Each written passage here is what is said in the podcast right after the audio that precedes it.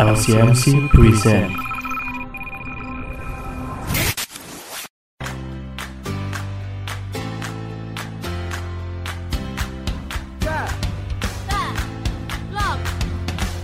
Kabar terbaru dari library lo guys.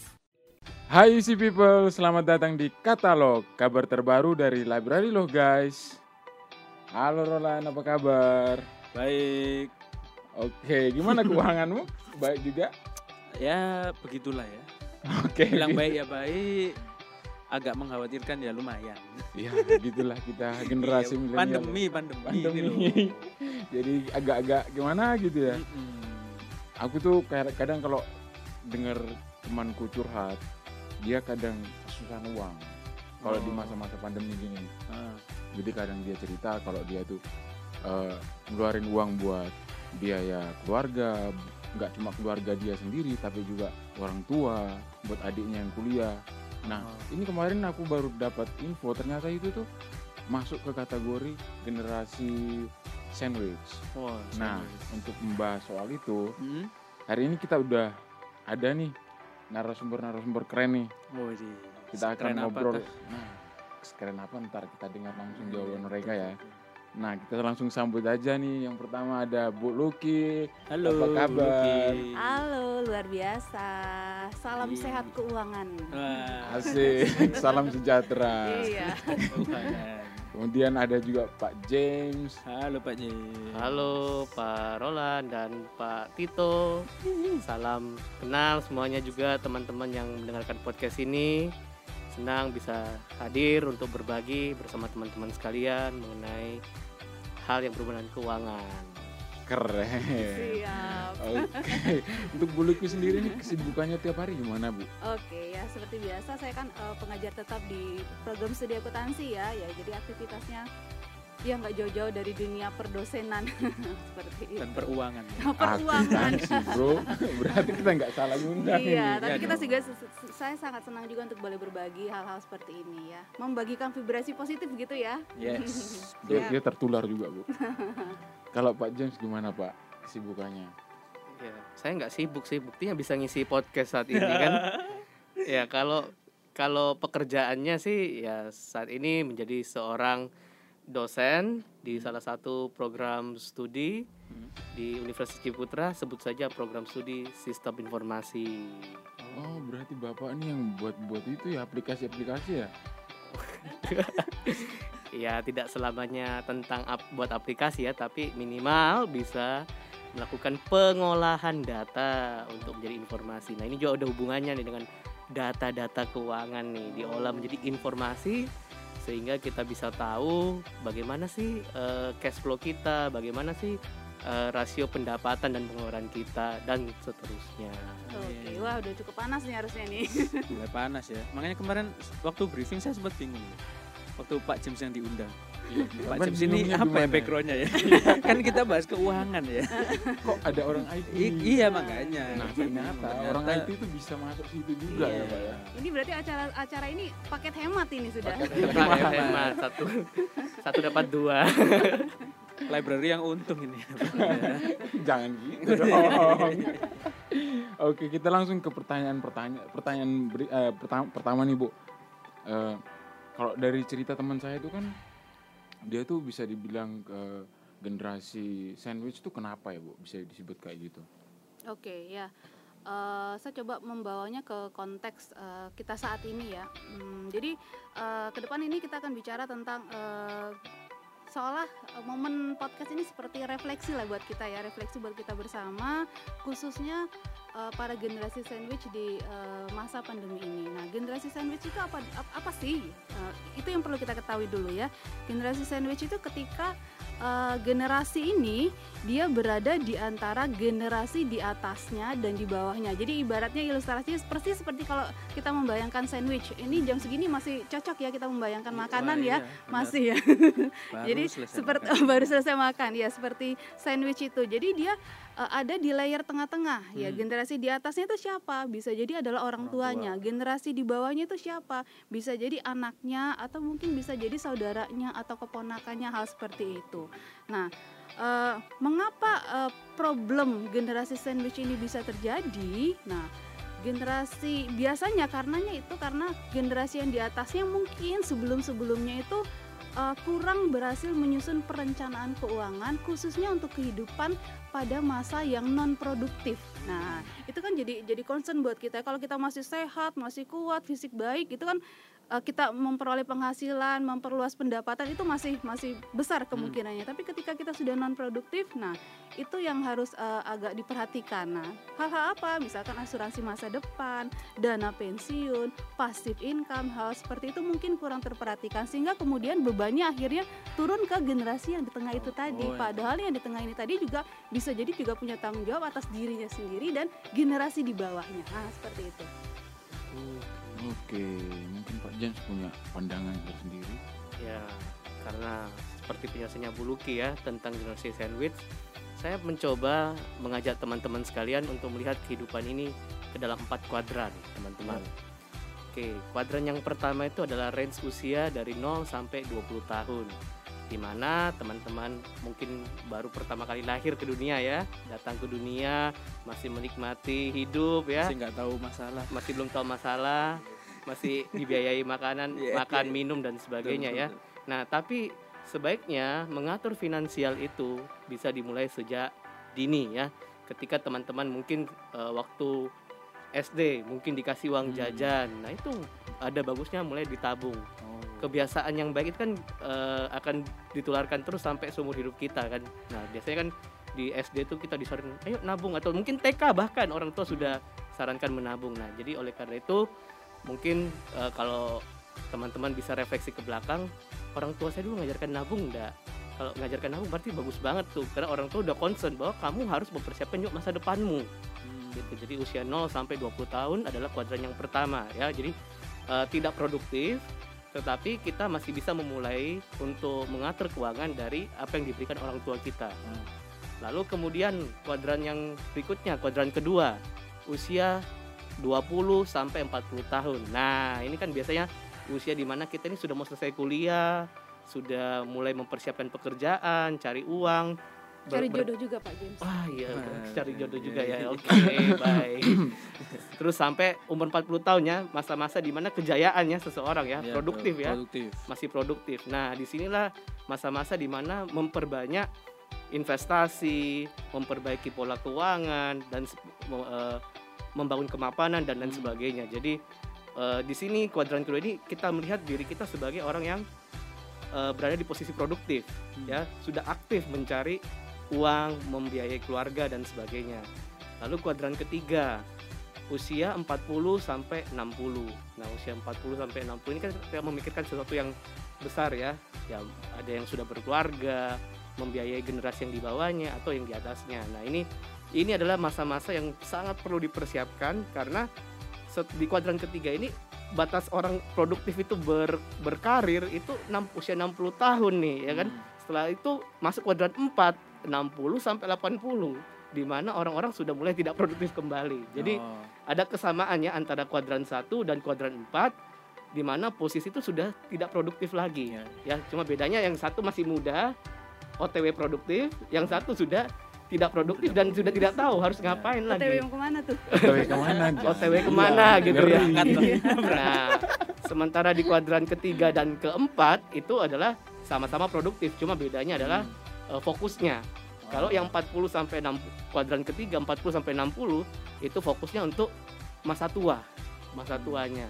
Sementara yang 20 sampai 40 di kuadran ke, ke kuadran kedua ya itu kita eh, memikirkan tentang keluarga ke depannya. Gitu. Oke, jadi empat kuadran ini, di kuadran pertama kita persiapan, kuadran, kuadran kedua itu kita eksekusi gi- gimana eh, hadapi kehidupan nyata, ngelola uang gimana gitu ya Pak ya, lebih Betul. tepatnya. Tuh. Oke. Jadi saya sudah kuadran tiga mungkin harusnya. Pak itu umur berapa sekarang? Kepala tiga. Ayo cek and dicek, ayo. Ya, kita Status kita perlu cek. Jangan dong, Bu. nanti semua terbuka. Kabar terbaru dari library lo guys. Kita sedang masa pandemi nih, Bapak Ibu. Nah, kira-kira dampak apa sih yang bisa terjadi terhadap generasi sandwich yang tadi kita bahas. Karena kalau saya pribadi ya, saya sebenarnya relate banget. Jangan-jangan temennya Pak Tito ini saya. yang diilustrasi di depan iya, ya. yang tadi di depan itu dan saya karena kok persis ya. Kamu jangan bilang itu kan settingan kita. Oh gitu ya. Oh itu settingan. Wah ini kurang briefing ya. di sini. Ya gimana tuh Bapak Ibu eh, dampak dari pandemi ini ke generasi sandwich ini?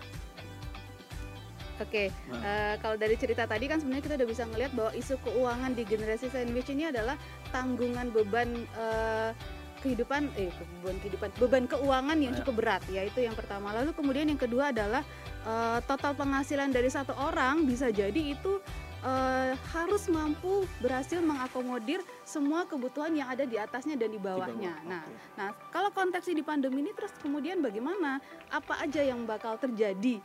Eh, hal-hal yang harus di- menjadi perhatian eh, generasi sandwich ini. Yang pertama, bisa jadi kondisi saat ini tuh membawa penyesuaian pendapatan. Ya, kemungkinan besar itu bisa terjadi entah itu gajinya mungkin ya bisa diturunkan sama pihak perusahaan atau mungkin ada penyesuaian-penyesuaian lainnya atau bisa jadi juga kemungkinan yang terburuk berarti ada kemungkinan uh, terjadi pemutusan hubungan kerja ya dirumahkan sementara dan hal seperti itu. Nah, artinya apa kalau terjadi seperti itu? Berarti kan sumber pendapatannya bisa jadi berhenti. Begitu ya. Uh, bersyukur banget kalau kita-kita yang istilahnya yang puji Tuhan sampai detik, detik ini masih diberi ya berkat ya. Uh, semuanya masih bisa berjalan. Nah, tapi kan tetap uh, ada ya orang-orang yang seperti itu yang mungkin kurang beruntung. Lalu kemudian yang kedua, uh, pengeluaran itu bisa jadi bertambah pada masa uh, pandemi ini, khususnya untuk protokol kesehatan. Ya mungkin kita uh, uh, seberapa besar sih dari kita yang menyadari bahwa sebenarnya ada alokasi dana yang khusus harus kita keluarkan untuk hand sanitizer, masker, cek kesehatan, bahkan mungkin kalau kita punya orang tua bertanggung jawab terhadap uh, orang tua kita, itu cost untuk healthy living buat mereka itu juga pasti kan uh, ada jadinya ya untuk check up kesehatan dan segala macam. Lalu kemudian tanpa kita sadari juga sebenarnya pengeluaran itu bisa jadi bertambah untuk anak-anak yang sekolah ya seperti eh, beli perangkat untuk belajar online lah ya seperti itu kuota pulsa terus kemudian bahkan eh, saya juga sempat mendengar ada eh, beberapa daerah yang di Surabaya ini juga mereka eh, ekstra orang tuanya memberikan eh, apa mengeluarkan dana untuk tutor online untuk mendampingi anak-anaknya belajar begitu hal seperti itu. Nah itu kan berarti ada cost lagi yang dikeluarkan. Nah artinya apa dari semua kejadian ini bahwa memang harus dan perlu kita melakukan restrukturisasi ya atau mengatur ulang kembali anggaran keuangan kita di rumah tangga. Nah itu artinya. Kabar terbaru dari library lo guys. Wah, kalau ngomong-ngomong tentang restrukturisasi ini mau nggak mau kita harus ngomong tentang data-data ya. Kita Oke, masuk ke Nah, bidangnya Bapak iya. nih. Jadi saya itu selama pandemi itu ya dari Maret ya mungkin ya saya selalu itu mencatat ini saya borosnya di mana ya selama ini ya. Wah ternyata memang borosnya saya kena anak kos-kosan ya borosnya di makanan. Jadi saya merestrukturisasi dengan cara apa? Berarti saya ini selain harus membatasi makanan saya juga harus diet karena waktu pandemi itu stres ya stres Oke, di benar, benar, benar. kan tidak lakukan aktivitas ya mau Benar, keluar benar. sedikit aja takut hati-hati Iya. vi- virus gitu ya, hati Iya. virus gitu. Jadi ya restrukturisasi saya itu dalam bidang konsumsi. Oh, Jadi saya menganalisa kembali, oh ternyata bisa kok saya Nah, lebih hemat dengan cara apa ya? Saya akhirnya eh, beli makanan yang bisa saya masak sendiri. Gitu. Jadi lebih menghemat. Jadi biasanya saya meng- menganggarkan pengeluaran saya untuk makan itu adalah batas saya itu adalah misal 50.000 per hari. Hmm. Kalau ini keadaan normal ya, bukan Iya. keadaan eh, nongkrong ya. 50.000 itu udah cukup kan kalau kalau kita untuk makan per hari bahkan lebih-lebih ya. Nah, terus saya coba restrukturisasi eh ternyata bisa turun sampai ya hampir di bawah 50%. Jadi ya luar biasa juga sih ya eh, data-data yang seperti ini yang kita perlukan. Jadi eh, restrukturisasi itu tetap butuh data. Jadi silahkan eh, para generasi sandwich mencoba ya mendata kembali apa yang menjadi pengeluarannya, apa yang menjadi pemasukannya. Jangan sampai pemasukan itu lebih kecil daripada pengeluaran. Benar ya? Gak kebalik kan? Biasanya saya kebalik ngomongnya. Enggak, enggak. Benar. Aman. Sekarang aman. Aman ya? Soalnya Biasanya saya, saya selalu jagain Bapak. Oh, siap, siap. Kadang kalau asik ngomong lupa. Balik enggak sih sebenarnya ini? Oke, oh berarti gitu ya. Jadi gitu teman-teman, jangan mentang-mentang pandemi terus eh, konsumsi makanannya jadi banyak. Iya, karena stres, makan nggak diatur. Iya. Atau ini apa? Eh alasannya supaya imunnya nambah kan. Jadi makannya kan terus ya. Ini supaya imunku nggak turun. Tapi beli makan online, kan sama aja ya. Berarti itu tadi sudah satu tips dari Pak James ya untuk eh, mencatat pengeluaran supaya nggak kelolosan lah ya. Kira-kira ada tips-tips lain nggak Pak untuk supaya generasi sandwich ini eh, masih ada peluang gitu untuk keluar dari keadaan saat ini Eh, pandemi terutama untuk urusan keuangan. Jadi tadi kan kita tentang kontrol pengeluaran Hmm. ya. Nah sekarang kita coba check and balance dengan pemasukannya, Oh, gitu kan. Kalau eh, selama pandemi mungkin ya kita tidak berharap terlalu muluk-muluk. Seandainya pengeluaran masih sama dan pemasukan masih aman lah. oh, ya kadang memang kita bu- bu- butuh survive ya, butuh bertahan. Tapi ada baiknya juga kalau seandainya eh, sisa sisa dari eh, pemasukan dikurangi pengeluaran itu ada lebihnya sehingga kita bisa mempersiapkan mencadangkan sebagai dana darurat. Gitu. Jadi eh, itu juga yang perlu diperhatikan tentang bagaimana sih pemasukan dan pengeluaran kita ada lebih-lebihnya enggak? Kalau Hmm. ada pas-pasnya ya sudahlah kita mungkin tidak bisa belum bisa mencadangkan Iya, iya. saat ini ya. Tapi kalau ada lebihnya sebaik mungkin dicadangkan. Ada baiknya kalau bisa ini idealnya ya, lagi-lagi ideal. Jadi eh, angka yang saya akan sebutkan ini bukan berarti itu eh, suatu keha- Mutlak. keharusan sekarang Ya. terpenuhi, tapi perjuangkan untuk dipenuhi. Ya memang butuh waktu, tapi eh, mau ndak mau itu harus tetap ada sebagai pen- penjaga saat Hmm. kalau ada sesuatu yang tidak diinginkan terjadi. Jadi misal eh, saat ini penghasilannya sekian sekian sekian rupiah ya. Nah kalau bisa punya dana darurat itu terkumpulkan itu kalau seorang seorang yang masih eh, single ya itu Hmm. adalah tiga kali dari penghasilan yang saat ini. Jadi tiga kali X misalnya Iya. misal itu indah banget ya tapi ya kalau ada yang masih sedang berjuang tidak apa-apa eh saya pun juga waktu dulu itu memulainya itu dengan saya saya menertibkan diri Hmm. menertibkan diri jadi walaupun bukan masa pandemi dari saya sejak saya mungkin kuliah di Surabaya ya karena kan saya kan dari luar pulau ya. Jadi saya membiasakan diri bagaimana caranya pokoknya saya harus ada menyisikan bukan menyisakan. Nah ini juga nanti mungkin nanti Bu Luki bisa bantu Iya, iya. bu- jawab nih tentang sisi dan sisa karena paling jagonya Bu Luki nih. Gitu. Itu itu yang yang yang bisa saya bagikan ya dengan kita tahu pengeluaran dan pemasukan kita kita akhirnya bisa melakukan realokasi atau restrukturisasi dari berbagai pos-pos pengeluaran kita. Kabar terbaru dari Library lo guys. Iya, baik. Jadi betul tadi kata Pak James, mau nggak mau dua hal eh, pertama yang harus kita lihat adalah bagaimana kita mengontrol pemasukan dan pengeluaran ya. Pemasukan berarti jangan sampai eh, eh, lebih daripada apa? Jangan sampai nambah utang deh, ya. Apalagi utang konsumtif ya. Terus kemudian jangan sampai itu tadi besar besar pasak daripada tiang, ya. Itu hal, hal seperti itu. Nah, terus kemudian tadi kontrol pengeluaran seperti yang sudah disebutkan oleh Pak James. Caranya gimana? mau ndak mau kita memang harus cost reduction atau cost elimination. Jadi coba diidentifikasi kembali uh, pos-pos biaya yang mungkin selama ini dikeluarkan. Nah, ada nggak item-item yang mungkin bisa diturunkan persentasenya ya atau mungkin bisa kita hilangkan aja, kita eliminasi sehingga bisa jadi pengeluaran tersebut udah kita sudah komitmen karena ini masa prihatin udah itu nggak kita nggak keluarkan lagi. Rokok yang biasanya uh, lima bungkus mungkin udah karena ini pandemi udah dihilangkan dieliminasi.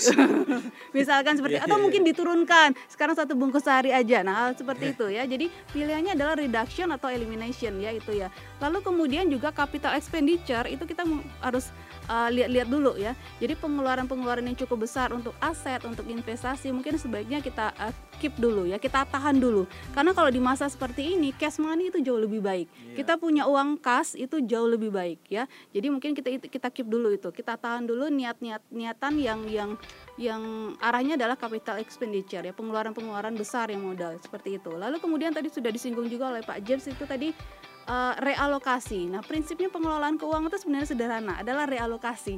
Pinter-pinternya kita mengalokasikan, meletakkan pada porsinya, ya. Kan sudah ada kotak-kotak tersendiri. Nah, ini mau ditaruh berapa persen, berapa persen, berapa persen. Sebenarnya itu. Jadi semuanya tercapai, ya, meskipun pelan-pelan semuanya tercapai eh, dalam porsi yang sesuai. Jadi semuanya kudu 100%, jangan sampai 120%. Berarti kan ini pengeluarannya jadi lebih besar ya. Dan seterusnya seperti itu ya. Prinsipnya adalah realokasi itu tadi. Sederhananya misalnya begini. eh, saya paling gampangnya mengalokasikan itu dalam tiga kategori besar. Ada yang namanya living, saving, dan playing. Sederhananya begitu aja, living, saving, and playing. Living mungkin eh, yang sebelumnya di masa normal itu bisa kita habiskan sekitar 50 sampai 60% dari pendapatan kita. Nah, karena ini di masa prihatin bisa jadi tadi kan disebutkan di awal bahwa bisa jadi ada peningkatan ini kan eh, apa peningkatan pengeluaran. Bisa jadi livingnya sekarang jadi 80% gara-gara harus beli empon-empon gara-gara harus kuota internet segala macam gara-gara harus eh, general eh, check up orang tua dan segala macam itu bisa jadi meningkatnya. Oke, nggak apa-apa. Livingnya mungkin yang sebelumnya 50 60 sekarang jadi 80 nggak apa-apa.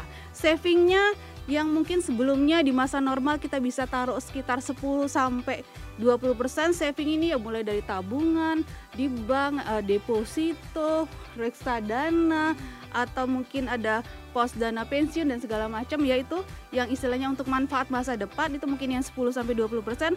Sekarang kita turunkan aja jadi 10% enggak apa-apa, tapi nggak boleh dihilangkan. Tetap harus ada uang yang di pos saving itu ya 10%.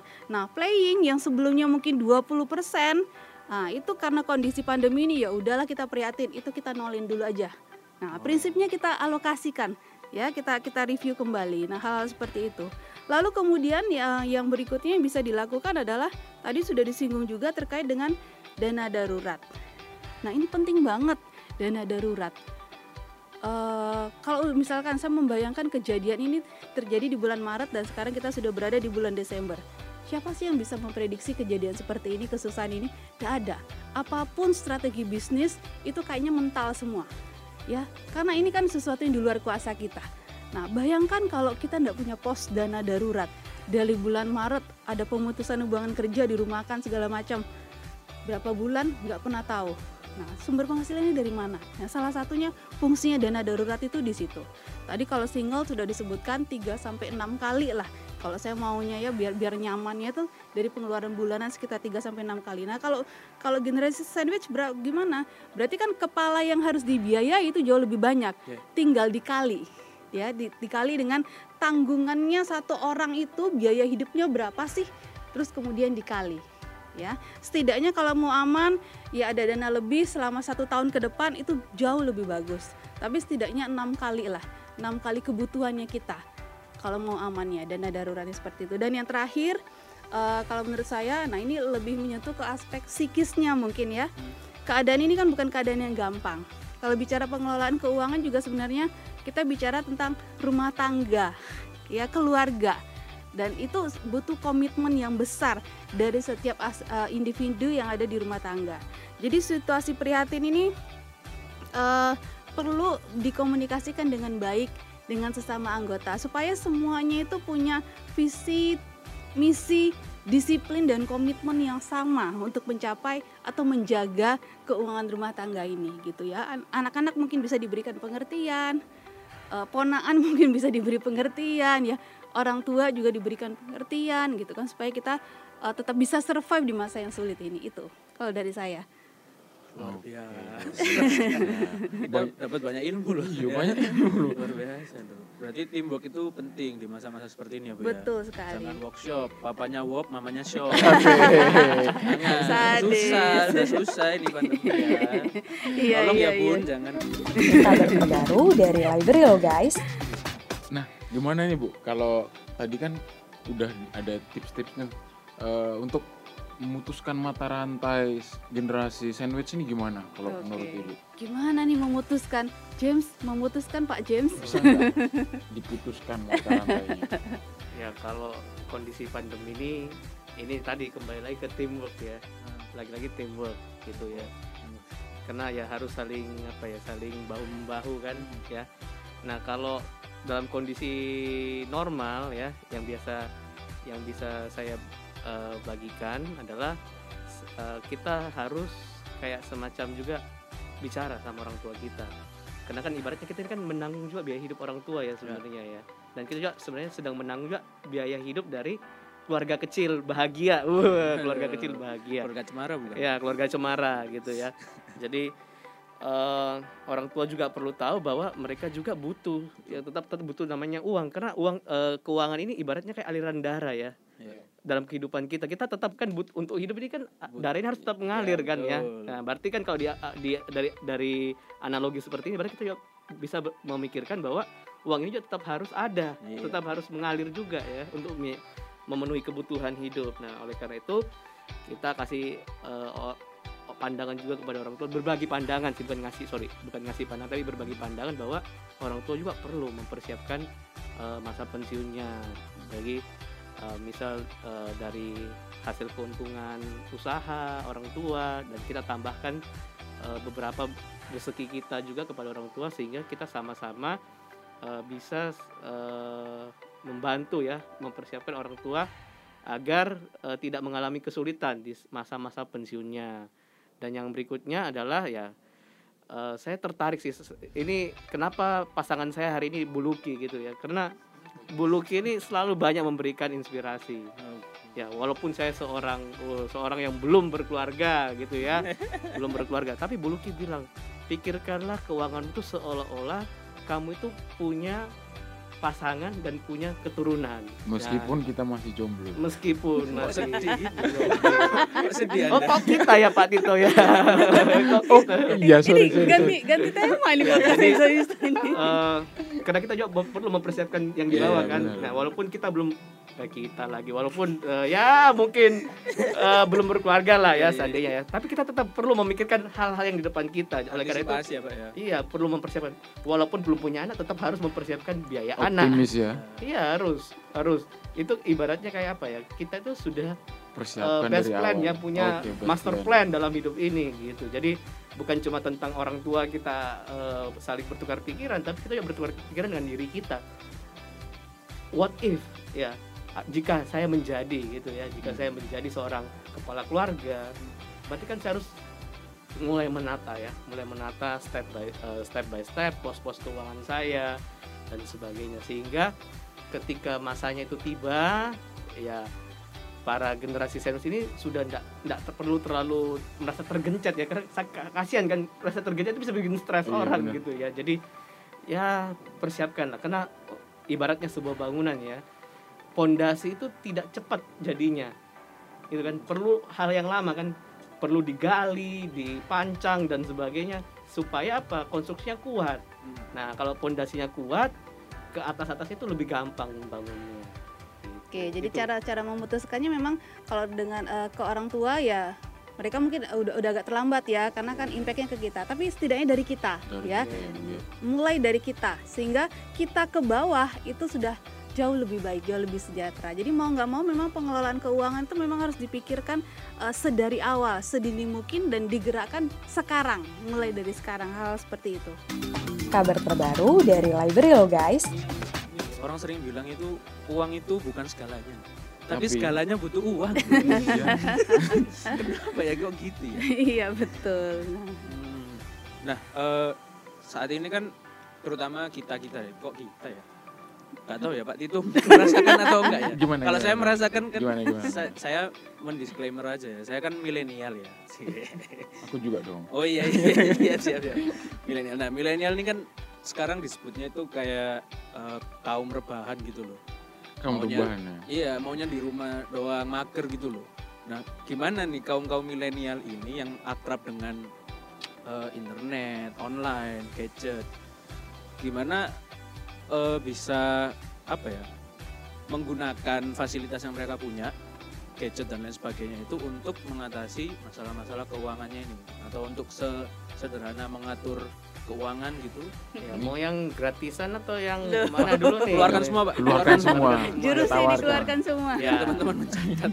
kalau kalau teman-teman ya apa pengen melakukan pencatatan ya jadi sebenarnya kan ini aplikasi itu kan membantu mempermudah pencatatan ya supaya kita iya. tahu bagaimana eh, nilai besar dari pemasukan kita berapa dan nilai pengeluaran kita berapa pada dalam suatu periode misal satu bulan satu tahun dan seterusnya ya. Jadi eh, ada aplikasi yang paling mudah dulu ya kita mulai dari yang gratis dulu ya dari gratis yaitu teman-teman kan punya akun ya akun sebuah email ya sebut saja akun Gmail gitu ya. Oke, minta kan izin nggak ya. bisa nggak bisa dipungkiri ya.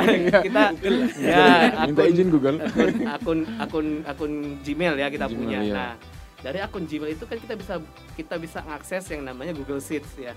Google Sheet nah di situ kita mulai eh, mencatat hari ini tanggal segini eh, apa yang kita lakukan apa yang kita belanjakan uang ini itu dicatat pengeluarannya pemasuk pengeluarannya dicatat pemasukannya juga dicatat. Jadi aktivitas uang keluar dan masuk itu dicatat ke dalam sebuah kalau orang dulu sebutnya Excel ya tapi kalau Google kan ada punya produknya sendiri ya Google Spread- Spreadsheet gitu. Jadi dicatat.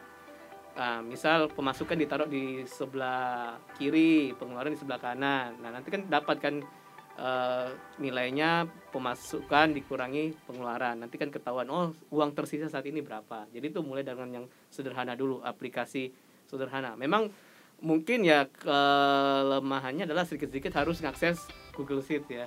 Harus ngakses eh, aplikasi itu secara web atau secara via handphone mungkin. Tapi kalau handphone mungkin agak agak agak kesulitan sedikit ya karena kadang geser kiri geser kanan agak kekecilan gitu ya. Nah untuk itu ada lagi dua aplikasi lain gitu ya. Ada dua aplikasi lain yang bisa digunakan seperti eh, kalau yang saya gunakan saat ini adalah Money Lover.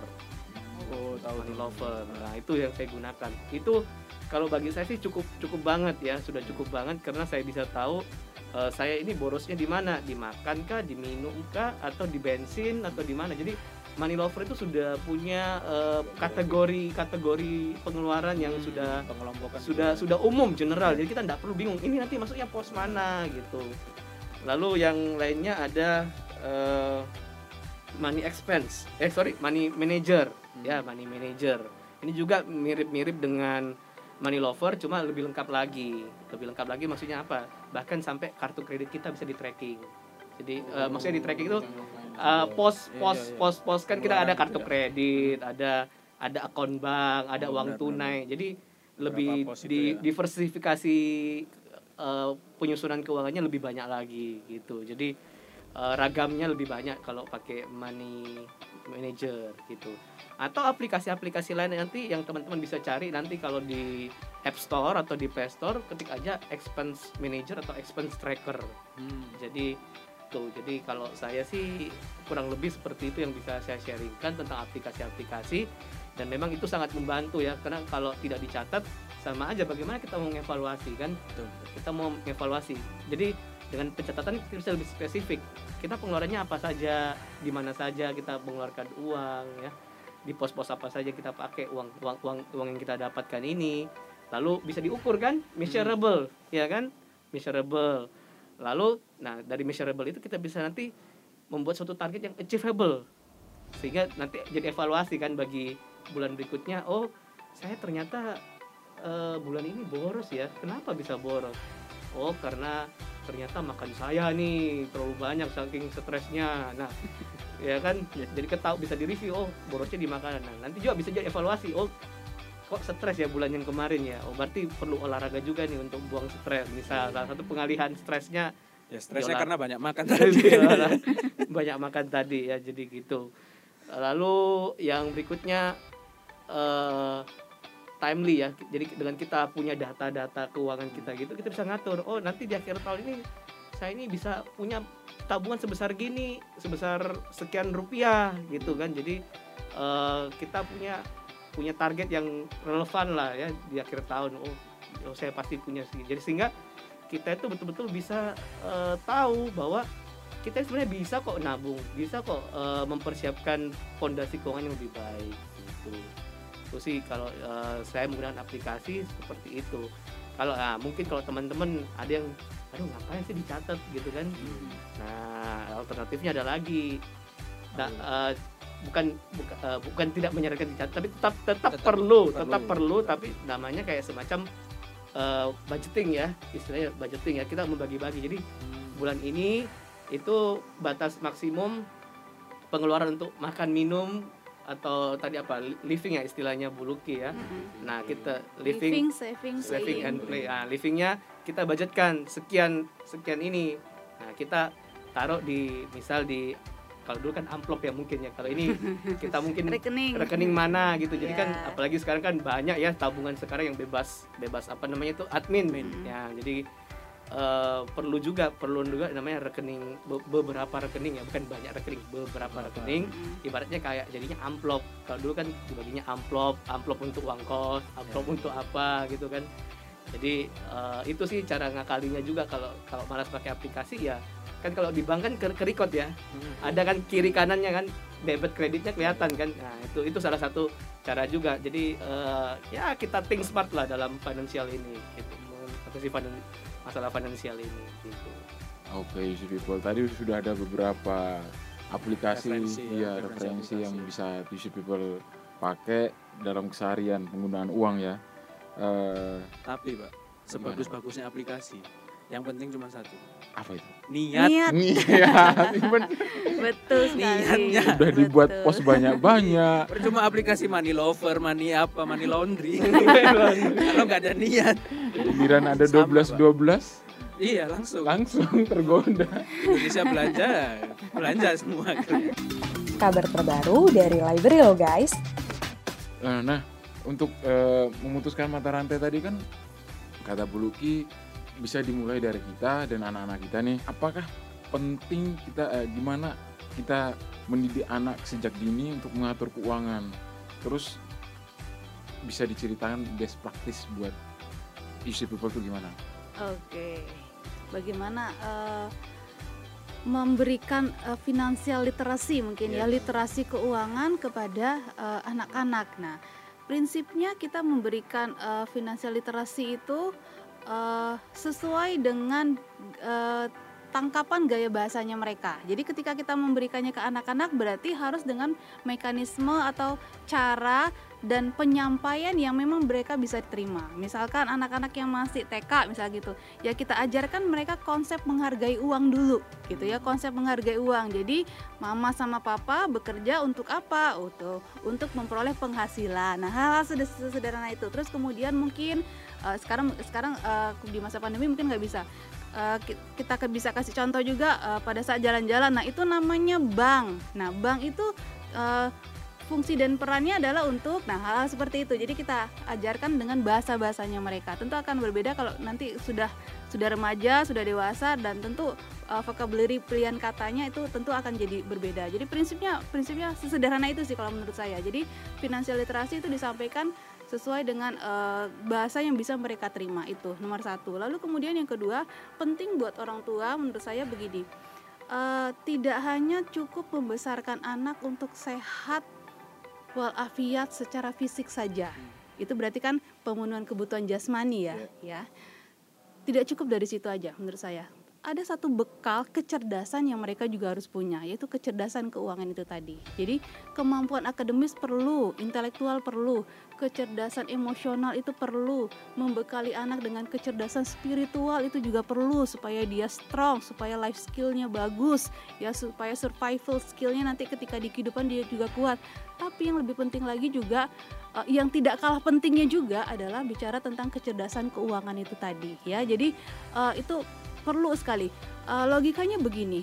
eh, kenapa kecerdasan keuangan itu penting dan pengelolaan keuangan itu penting atau dengan kata lain finansial literasi itu harus diketahui sedini mungkin eh, dan sebanyak mungkin Eh, setiap pilihan kebutuhan eh, pengambilan keputusan kita sehari-hari saja mulai dari hal yang sederhana sebenarnya ada konsekuensi keuangan konsekuensi ekonomis yang muncul sebenarnya bangun pagi eh, hari ini aku mau makan apa di mana dengan cara apa itu pasti akan berbeda-beda konsekuensi ekonomis yang munculnya ya. Jadi belum lagi kalau keputusan-keputusan besar. Aku nanti mau menikah di mana Eh, Sama siapa? kalau sama siapa jangan ditanyain lagi ya. Sama siapa? itu Kalau bisa sendiri-sendiri ya. iya Jangan urusan lihat ke sendiri saya sendiri dong. itu. Kalau sama siapanya itu ya di gedung atau tidak, Iya, iya. dipestakan atau tidak, di- nah, itu kan ah, itu keputusan-keputusan besar ya. Jadi eh, dengan kata lain ini ini sebenarnya bicara tentang eh, gimana kita ngatur diri dan hidup kita dan masa depan sebenarnya. Jadi eh, itu kenapa penting ya liter- literasi keuangan tersebut. Eh, demikian. Eh, tadi kan kita sudah sempat bahas tuh Bu soal eh, ada investasi reksadana dana darurat. Nah eh, kebetulan saya kan juga lagi seneng nih baca-baca dan belajar lah. Pengennya sih supaya dana daruratnya terpenuhi. Nah untuk teman-teman milenial ini kira-kira eh, harus dana darurat dulu terpenuhi baru kita berinvestasi atau bisa nggak dua-duanya itu jalan berbarengan gitu dengan kondisi ya katakanlah kita juga generasi sandwich gitu loh maksudnya gimana ngaturnya Oke, ini pertanyaan yang betul banget. Ini uh, critical point ya, critical uh, pertanyaan ini. Uh, prinsipnya begini dulu. Yang nomor satu yang perlu dihighlight adalah pengelolaan keuangan itu kita sendiri harus happy ketika ngelakuin. Itu dulu. Ya, kenapa harus happy? Uh, sehingga kamu ketika melakukan itu kamu tidak merasa terbeban. Ketika mengalokasikan pada satu pos itu tidak merasa terbeban. Ketika membiarkan dan mengikhlaskan dan menahan diri untuk tidak menyentuh dan mengambil uang itu untuk dalam periode waktu tertentu itu nggak masalah buat kamu. Jadi harus happy dulu pengeluar, eh, pengelolaan keuangan itu. Terus kemudian mana yang harus didulukan? Kan begitu kan ya. pertanyaannya. Eh, balik lagi, apa yang menjadi prioritas? Nah, prioritasnya kita bisa klasifikasikan, klasifikasikan lagi jangka pendek dan jangka panjang. Nah, mana yang mau kamu nikmatin dulu manfaatnya? Ya, balik lagi, kalau saya disuruh milih, mungkin saya akan concern dulu di dana daruratnya dulu. Ya, ketika saya merasa bangunan fondasinya kuat, ya, terus kemudian baru kemudian saya juga melakukan investasi. Nah, tapi bisa juga ini dijalankan bersamaan atau dengan kata lain berarti kan porsinya yang kita atur, alokasinya. Ya, jadi dua-duanya terpenuhi. Mungkin sekarang investasinya belum bisa banyak 20% dari penghasilan saya. Tapi sekarang sama ini di 10% dulu, saya alokasikan 10%. Nanti ketika dana daruratnya sudah kuat ya, sudah terpenuhi setidaknya dua selama uh, pengeluaran atau kebutuhan satu tahun ke depan saya sudah aman, saya naikkan lagi pelan-pelan nilai investasi. Nah, sebenarnya prinsipnya hanya mempermainkan itu aja, mem- mengalokasikan pengelolaan keuangan itu. berarti Nah. gantian dana daruratnya yang diperkecil gitu ya Iya betul. persenannya Iya Oh. betul sekali. Prinsip alokasi sebenarnya pengelolaan keuangan itu. tapi kalau misal misal dana daruratnya sudah terpenuhi nih bu sudah terpenuhi eh, apakah stop atau ya tetap aja tapi dikit-dikit gitu untuk alokasi ke dana daruratnya Kalau saya sih prefer uh, tetap terus, ya? tetap terus. Oh. Nah, karena biasanya begini, kebutuhan kita tuh akan bertambah kok. Gitu. Iya sih, Nah, iya jadi sih. jadi kalau dana kita ngerasa dana darurat kita sudah stabil, sudah mencapai titik tertentu yang aman, Hmm. biasanya kita punya kepengen lain. Aku kalau gitu sekarang mulai nyicil rumah deh, misalnya Hmm. seperti itu.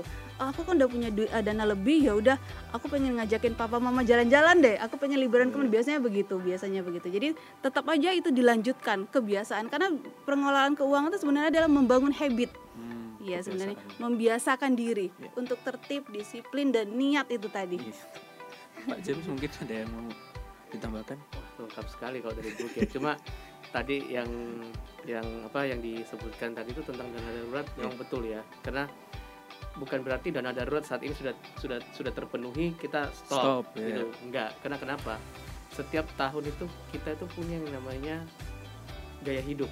Hmm. ya kan gaya hidup yang berubah-berubah seperti tadi ceritanya Bu Luki ya mungkin mau ngajak orang tua jalan-jalan. Itu kan gaya, bagian dari gaya hidup juga kan?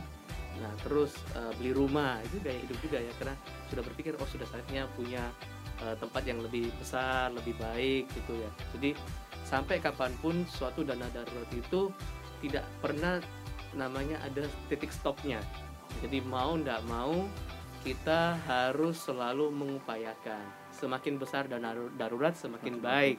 karena kita tidak tahu bila mana ya Iya, bila iya. kapan ya bila mana suatu keadaan darurat itu terjadi. Dan berapa uang yang dibutuhkan untuk suatu keadaan darurat tersebut.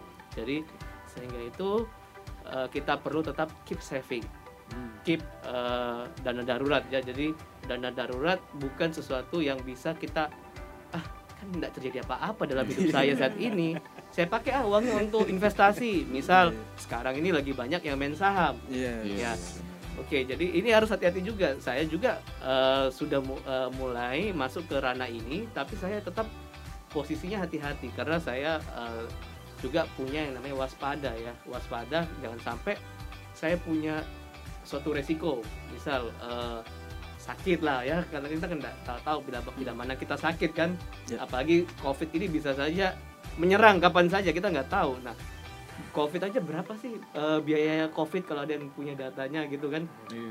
pasti tidak seperti biasanya kan Iya, iya. Oh, apa masuk rumah sakit dua tiga hari bisa berminggu-minggu dalam eh, rumah sakit kalau seandainya covidnya eh, dalam kondisi kondisi darurat sekali ya parah Hmm. itu uang itu sangat sangat besar ya bisa keluarnya gitu jadi wah jadi ya kit- bukan mau membayangkan kita kena covidnya ya tapi ya kita bayangkan ini kondisi yang sekarang bakal terjadi darurat itu adalah misal terserang terserang Itu covid lebih lebih mungkin Pak, ya. jadi eh, jadi sehingga kita selalu waspada gitu kan. Ya. Sehingga kita tidak me, apa ya, tidak me- memakai dana darurat kita untuk hanya aduh saya pengen pengen cuan, pengen untung Iya, gitu gitu iya, ya iya. kita alihkan tapi sebaiknya betul-betul dana darurat itu adalah eh, sesuatu yang memang kita siapkan walaupun kita tidak tahu kapan itu terjadi masa darurat itu tetapi kita tetap selalu ada. Nah, dana darurat ini sebaiknya seperti yang selalu di ya tukar pikir dengan Buluki. Jadi memang sangat cocok sekali ya hari ini sama Buluki ya pa- pasangan yang pembicara yang ini ya enak ideal ya ideal ya. soal keuangan. Soalnya saya selalu bertukar pikir dengan nama Buluki. Jadi Oke. ya tadi seperti penekanannya adalah poinnya adalah cash money. Cash money. Uang cash itu penting gitu. Iya. Jadi dana darurat itu sebaiknya adalah eh, ada posnya dan gampang ditarik. Iya. Karena Prinsipnya kita- harus liquid. Liquid ya. Iya, dana darurat itu. Kabar terbaru dari Library lo guys. Oke, mungkin ada closing statement nih dari Bu Lucky dulu, Oke. baru ke Pak James.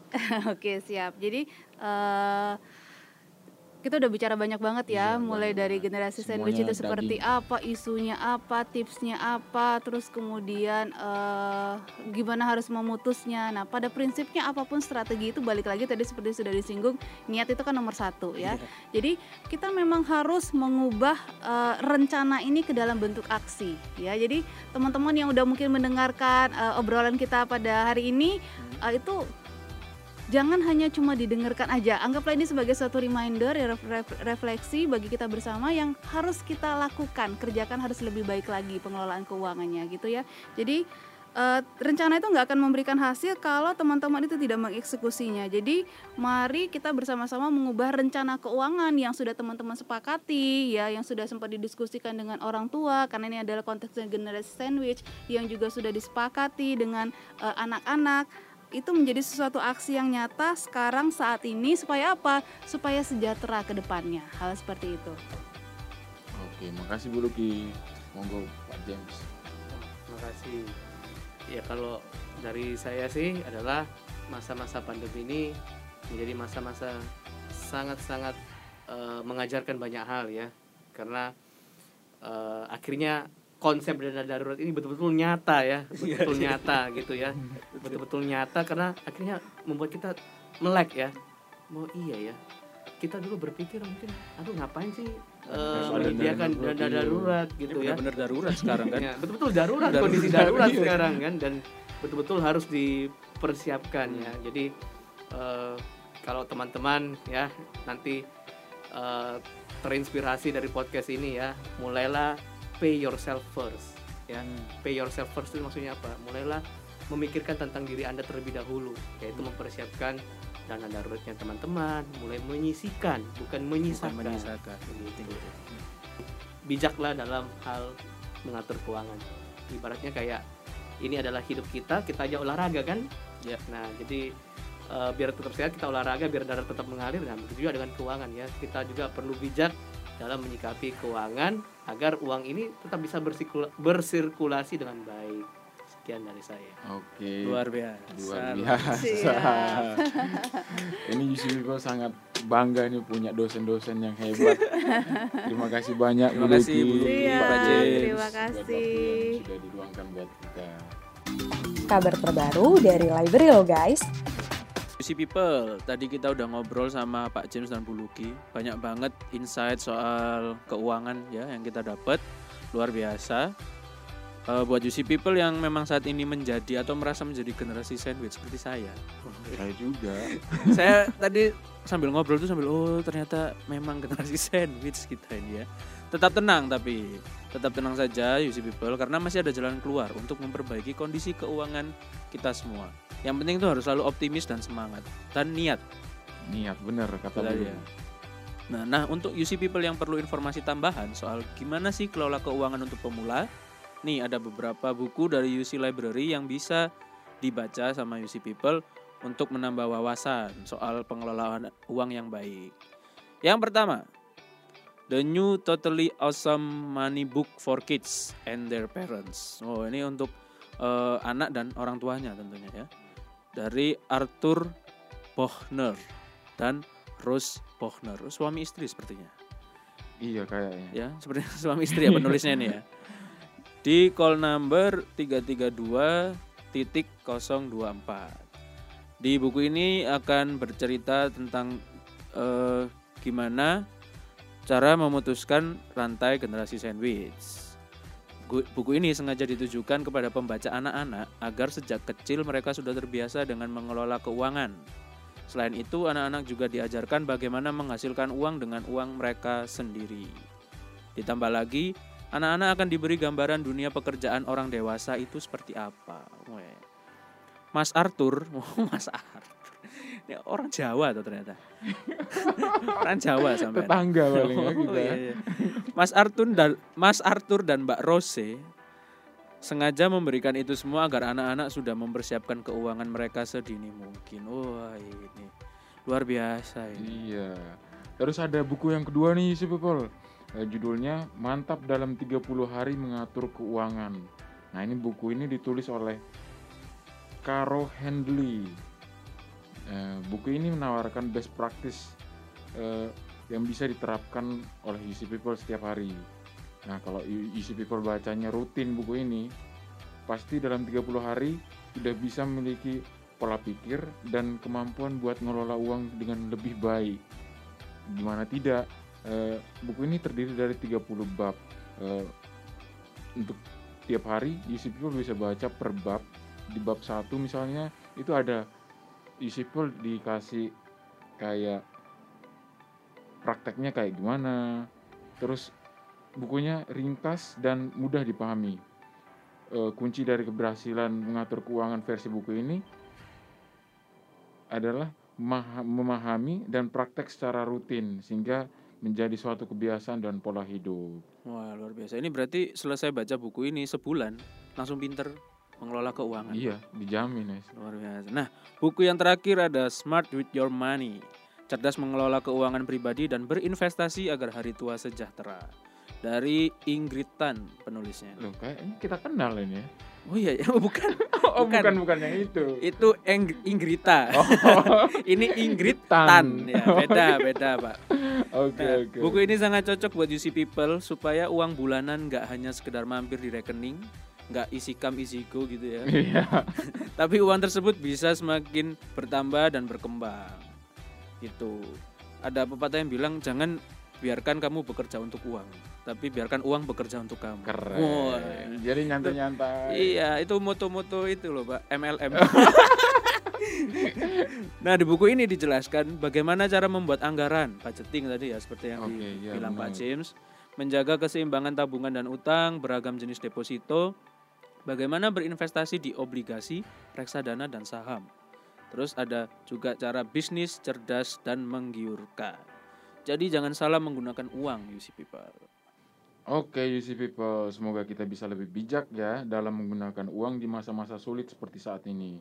Supaya masa muda kita bisa lebih sejahtera dan di masa tua kita tidak menyusahkan anak cucu anak dan cucu kita. Amin. Sampai ketemu di katalog selanjutnya UC people. Bye. Brought to you by LCMC and UC Library.